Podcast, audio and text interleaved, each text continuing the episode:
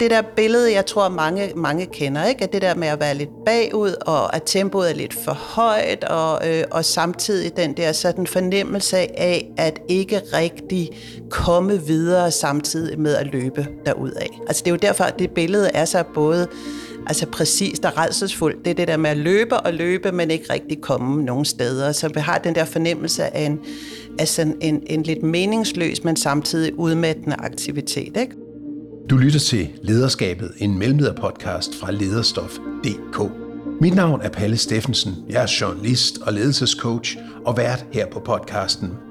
I hvert afsnit får jeg besøg af en leder, der vil fortælle om de udfordringer, der følger med, når man skal lede både op og ned, og derfor tit bliver fanget i et krydspres. Til sidst i podcasten vil Michael Urenholdt, der er ledelsesrådgiver hos lederne, give hver enkelt gæst nogle konkrete råd, der kan være med til at gøre den pågældende leders arbejdsliv lidt nemmere. I dag skal du møde Mette Davidsen Nielsen, der er kulturredaktør på Politiken. Hun fortæller om lederens evindelige hamsterhjul og stiller spørgsmål ved, om ledelse som begreb er overvurderet. Mette Davidsen Nielsen, kulturredaktør på Politiken. Hvis jeg siger hamsterhjulet, hvad siger du så? Jeg ser et ord, der er blevet synonym for lønarbejde. Det er sådan, vi taler om øh, at gå på arbejde. Hvorfor gør vi det, tror du? Jamen, det er jo interessant, øh, og jeg har selv tænkt rigtig meget over det, både i forhold til medarbejdere og i forhold til mit eget liv, at øh, det er jo ikke noget, man har lyst til umiddelbart at være i et hamsterhjul, vel? Det er jo et hjul, man også indimellem kan havne i som leder, kan man sige. Ikke? Og ja, og der er masser af ledere i hamsterhjulet. De vælter rundt sammen med deres medarbejdere inde i det hjul. Og for eksempel også dig selv, som du har skrevet om i en klumme i politikken. Også mig selv. Skal vi lige prøve at høre bare et uddrag fra den? Jamen lad os prøve det. For mit eget vedkommende har 30 år med en arbejdsuge, der ofte passerer 50 timer, krævet en del selvmedicinering. Både af den slags, man kan blære sig med, som yoga og meditation, og den mindre sunde slags. Nikotin er eksempelvis en upper og en downer, jeg har tykket på i 20 år for at holde butikken åben. Jeg er også kommet på hormoner, fordi overgangsalderen passer dårligt til mit arbejdsliv.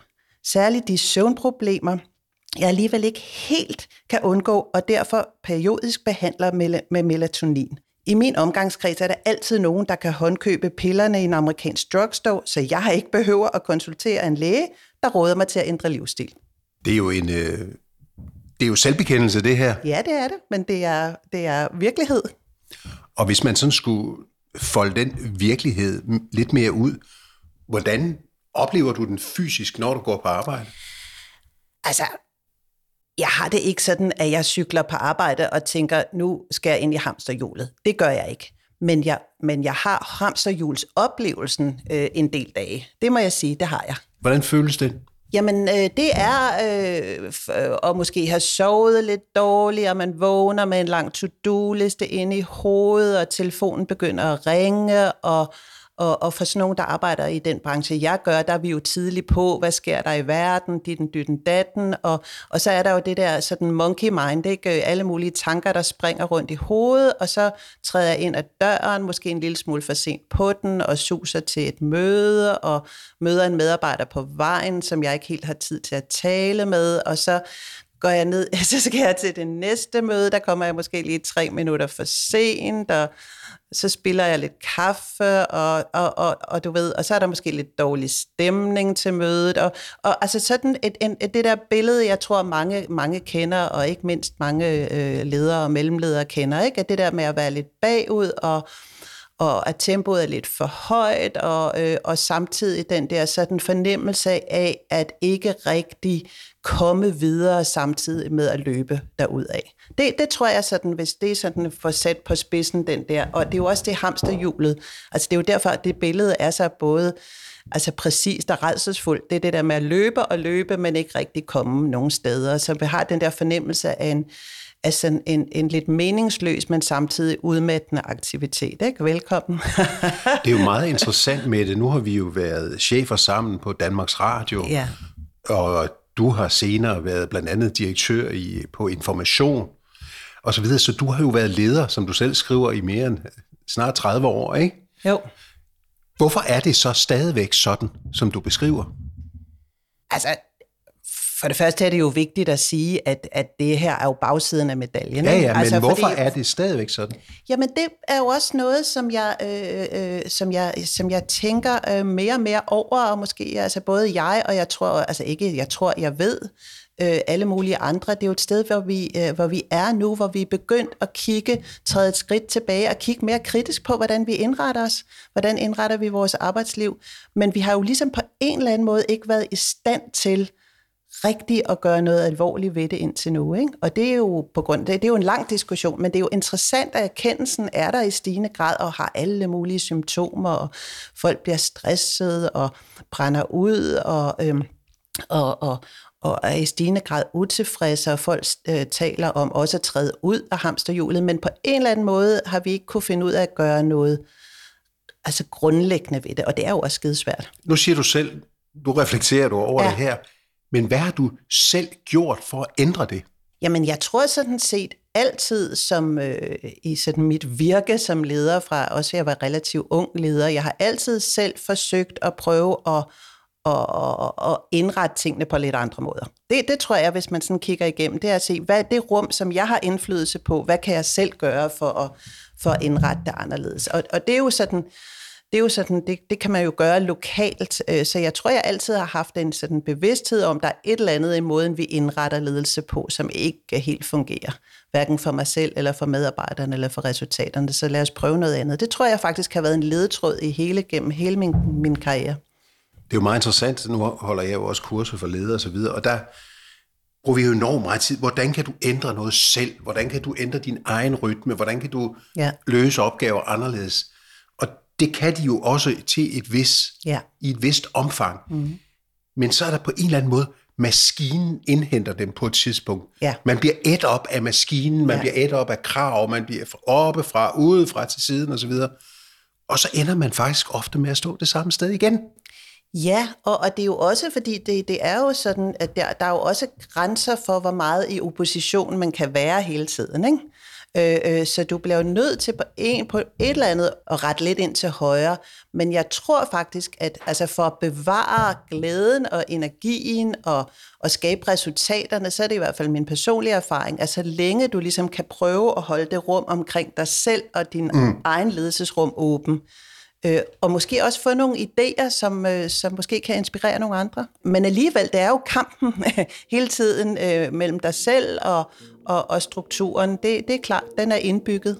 Øh, så du, altså, så du, man ender der meget nemt, det gør jeg også selv.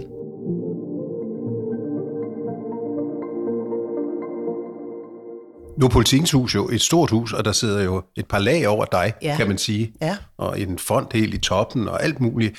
Hvordan synes du selv, du klarer det med at frigøre ting omkring dig selv? Øh, i, I mit nuværende job på politikken øh, øh som redaktionschef, og jeg også sidder i politikens ledelse, der har jeg været i ja, snart 6,5 år. Og der, der, der har jeg været inde først i en fase, hvor, hvor, hvor der var rigtig meget, der lykkedes for os. Altså hvor det gik opad, og, og, og, og jeg fik selv sådan rum og lov til at prøve alle mulige forskellige ting af, som lykkedes og sådan noget. Så der, der er det jo sådan, når det er optur, så kan man sige, så bliver det jo så føles det ikke lige så, så slemt. Medvind er jo altid Medvind er godt for alle, og, og hvis du skaber resultater, så kan du også få lov til mere osv. Men men, øh, men i de sidste øh, års tid, halvandet, der er vi inde i, har vi større problemer. Ikke? Øh, det går nedad med økonomien og med oplagene og sådan nogle ting. Så der kan man sige, så presser systemet til. Så min erfaring er, at, øh, at øh, i, i kriseperioder, øh, der, der, der, der kommer hamsterhjulet, fordi så går man ligesom tilbage til, de, til, til det traditionelle, og man ved, hvad man kan, altså, hvad, hvad vi plejer at gøre. Så der synes jeg... Altså, Innovationen stopper lidt, eller hvad? Det synes jeg, og, og det er jo også et kæmpe problem, for det er jo der, vi burde altså faktisk være modigere. Men, men det er, altså der, så, så bliver der pludselig mere kontrol og, og, og, og mere sådan konformitet i det, ikke?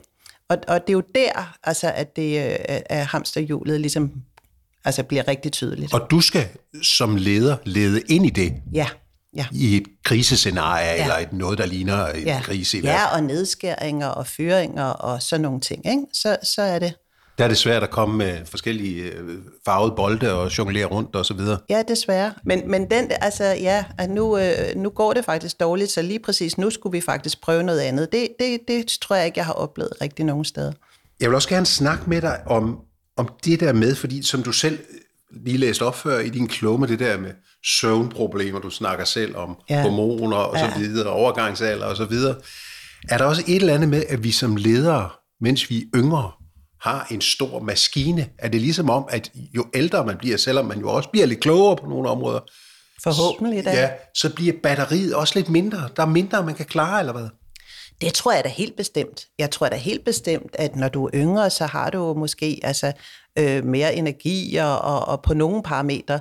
Men til gengæld synes jeg også, jeg vil også sige, jeg synes, der er også rigtig mange fordele øh, ved at blive lidt øh, ældre faktisk. Og også hvad er det for eksempel? Jamen, det er at, at stå lidt bedre på sin egen ben, og, og, og også på en måde, på en måde så blive mere sårbar, fordi at øh, vi måske kan klare lidt mindre, og på den anden måde blive mindre sårbar, fordi at, at vi øh, øh, måske ikke helt har så meget, vi hele tiden synes, vi skal bevise.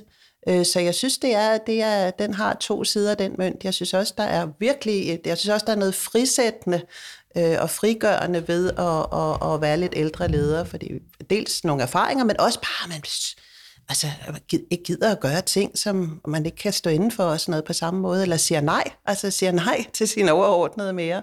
Altså man finder nogle tydeligere grænser, eller hvad? Ja, det, det synes jeg. Det synes jeg. Det er jo meget interessant, fordi apropos det, du netop også lige læste op, altså det er jo meget ærligt, det er jo, nogen vil kalde det privat, ja. og så videre. Ja. Er det også det, at man får den der rummelighed i forhold til, at man er ikke så bange for at vise sig selv frem? Det tror jeg, altså helt bestemt. Øh, og igen, altså den der, sådan, der er jo ikke rigtig noget at gøre ved det, sådan her er jeg bare. øh, men, men i ledelse... Vil du have gjort det som ung chef?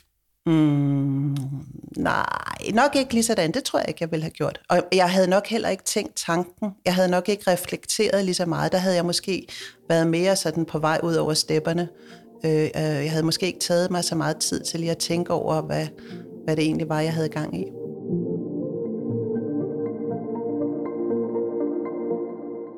Nu er du jo selv leder. Du har været leder i en del år. Du kender rigtig mange, der er i samme situation som dig, og sikkert går jeg ud fra, også kan genkende det, du fortæller her om hamsterhjulet og krisescenariet, og hvordan man ligesom selv stadigvæk bliver påvirket af det. Hvad skal vi gøre? Altså, jeg har altid haft den der, sådan måske lidt mere også som ung leder, den der lidt intuitive fornemmelse af, at ledelse var lidt overvurderet.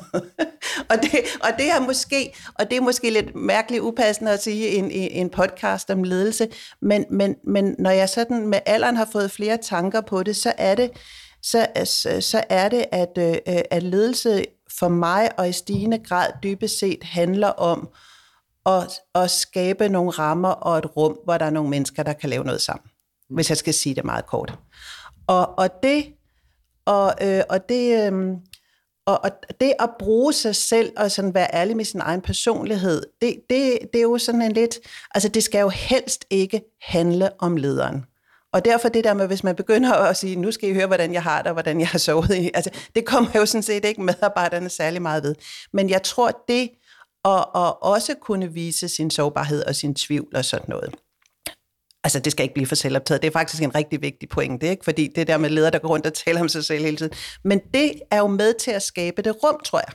Jeg tror, altså jeg øh, har fået, øh, normalt reagerer man ikke på det en, øh, på journalistiske øh, der, øh, øh, arbejdspladser, der er det der med at reagere på, hvad lederne laver og skriver og sådan noget. Det er jo ikke sådan noget, journalister gør, fordi det er jo bare sådan noget fedteri, det gider man ikke. Men lige den her øh, klumme har jeg faktisk fået mange henvendelser fra medarbejderne, øh, for at de var, altså, de var glade for, at jeg skrev.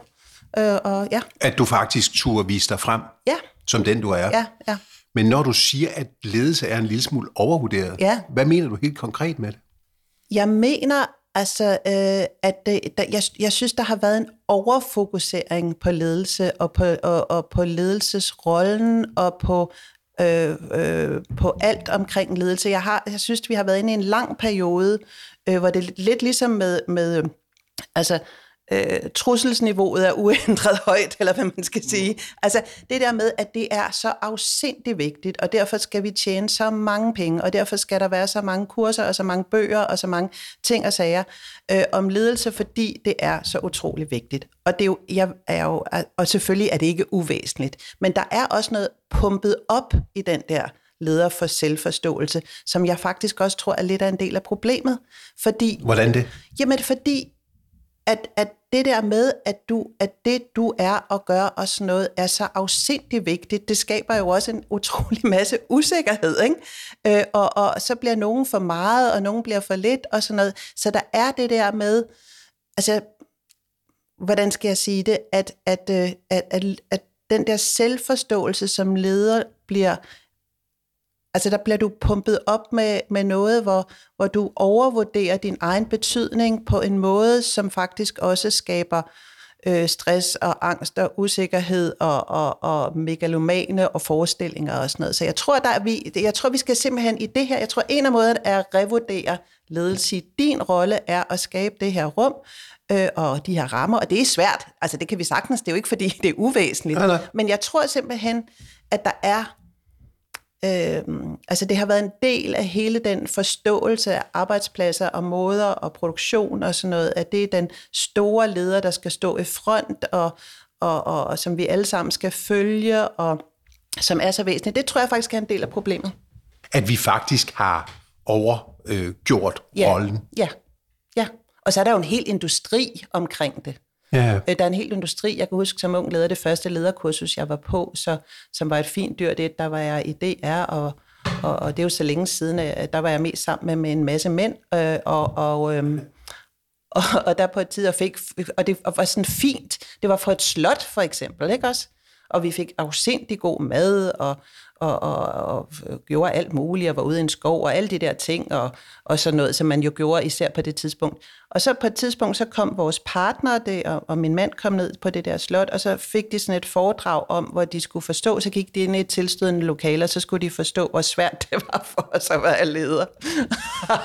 og hvorfor de skulle tage sig så meget af os, når vi kom hjem og sådan noget. Og, og altså, det var selvfølgelig lidt sjovt, men det er jo også hele den der forståelse, Altså den der dyrkelse at, af, af en bestemt måde at se lederskab på, som jeg tror, vi bliver nødt til at gøre fuldstændig op med. Men Mette, nu siger du, at øh, ledelse er overvurderet, og hele det der lidt gejlede lag, man lægger over ledelsesrollen og uddannelse, og jeg skal komme efter dig.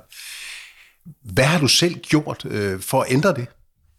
Jeg tror, det eneste jeg og sådan set også andre kan gøre, det er at være bevidst om det. Så det er jo lidt en svær opgave, at du både skal være bevidst om din rolle, og samtidig ikke skal tage den alt for alvorligt. Altså kan du finde ud af det på en gang?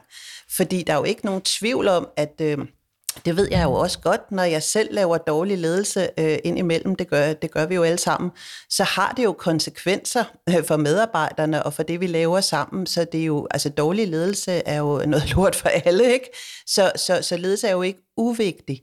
Men, men det der med at, at, at have sådan lidt med i sin morgenbøn og sige, det handler ikke om dig.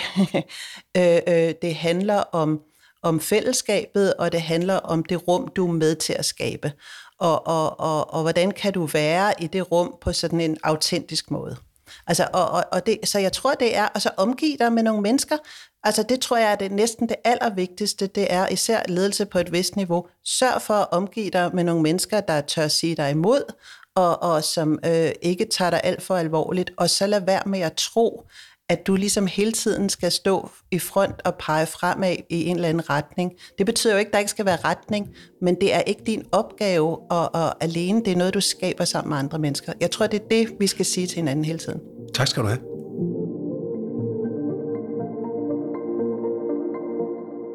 Michael Urenholdt, nu har du siddet og hørt på kulturredaktør Mette Davidsen Nielsen fra Politiken, hendes holdninger til ledelse. Og hvis vi starter der, hvor Mette startede, nemlig ved hamsterhjulet. Hun taler meget om det der, det, den der oplevelse af hamsterhjul. Følelsen af at være lidt bagud, og tempoet er for højt. Og følelsen af at løbe uden at komme videre. Der er jo mange, der sidder i den saks, om man så må sige. Ja, absolut. Vi møder rigtig mange ledere, der sidder i den, i den klemme, løber rundt i hjulet. Og hvad er det, der er, altså, hvad er, det, der er problemet ved det? Jamen, det, det største problem er, at når man er i hamsterhjulet, så lader man sig styre, altså omstændighederne styrer lige pludselig din tid som leder.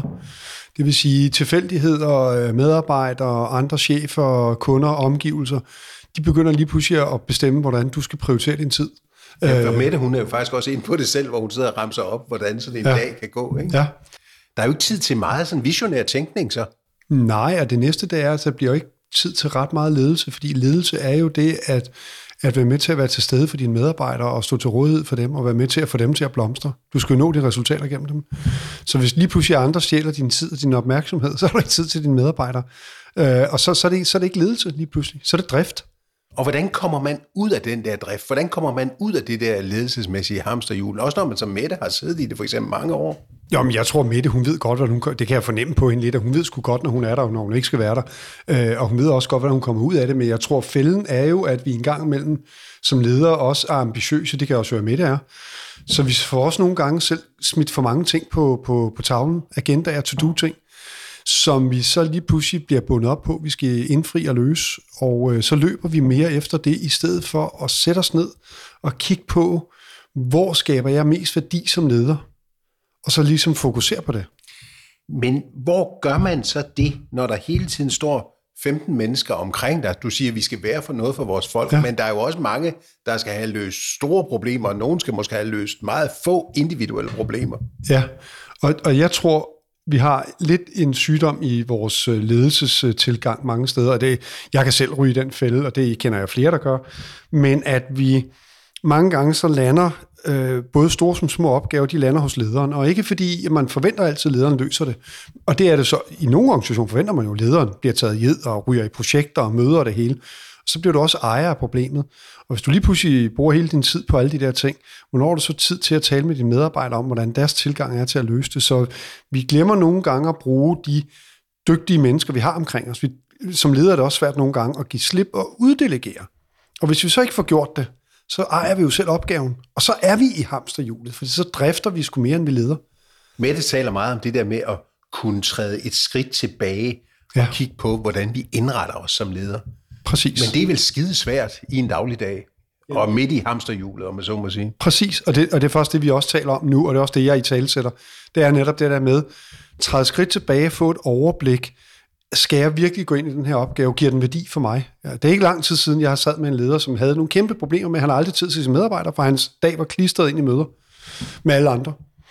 Og, øh, og der, der, der måtte jeg simpelthen udfordre ham på til at sige, at der er kun én vej at gå. Du er nødt til at frasige dig nogle af de møder.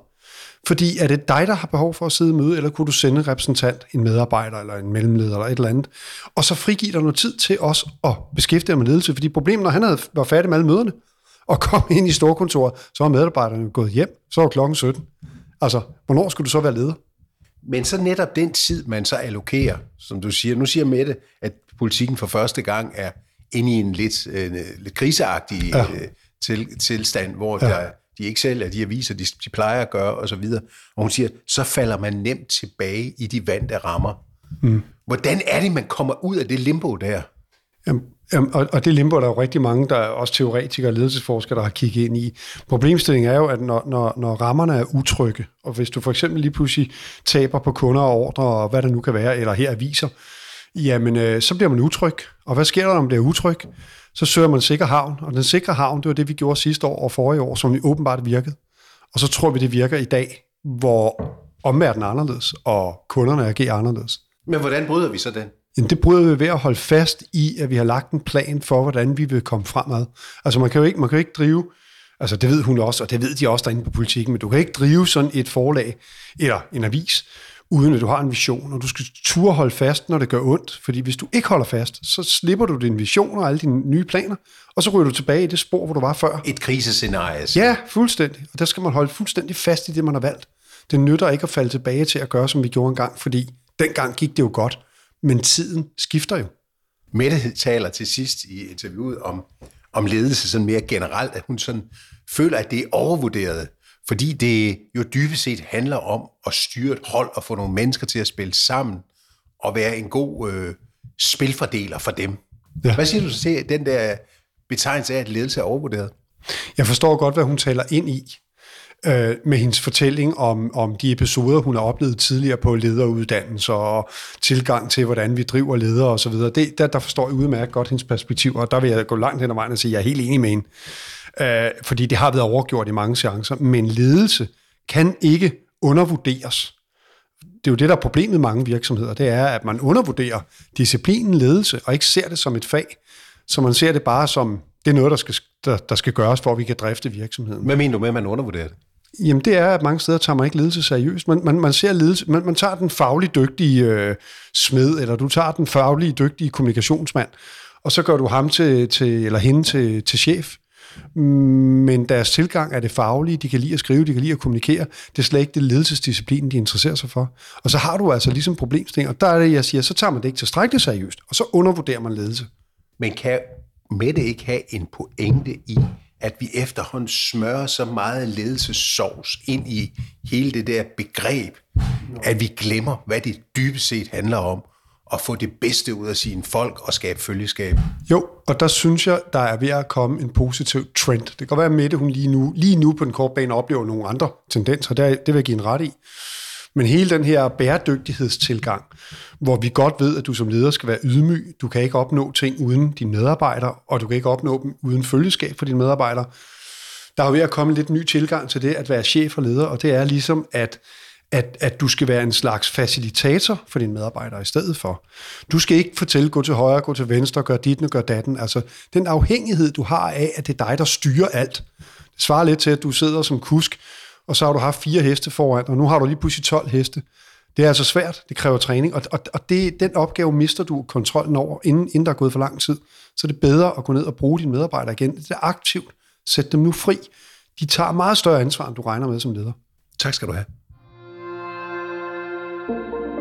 Du har lyttet til Lederskabet, en mellemlederpodcast med Palle Steffensen. I dag med kulturredaktør Mette Davidsen Nielsen fra Dagbladet Politikken. Vi håber, at du er blevet inspireret af vores podcast, og husk, at vi har skrevet en artikel om Mette Davidsen Nielsen og Michael Urenholds konkrete råd på lederstof.dk, hvor du også kan finde en masse andre artikler og podcast, der klæder dig på med ny viden, konkrete værktøjer og perspektiver for andre ledere på alle niveauer. Lederstof.dk udgives af lederne, som er Danmarks største interessefællesskab for ledere med omkring 130.000 medlemmer.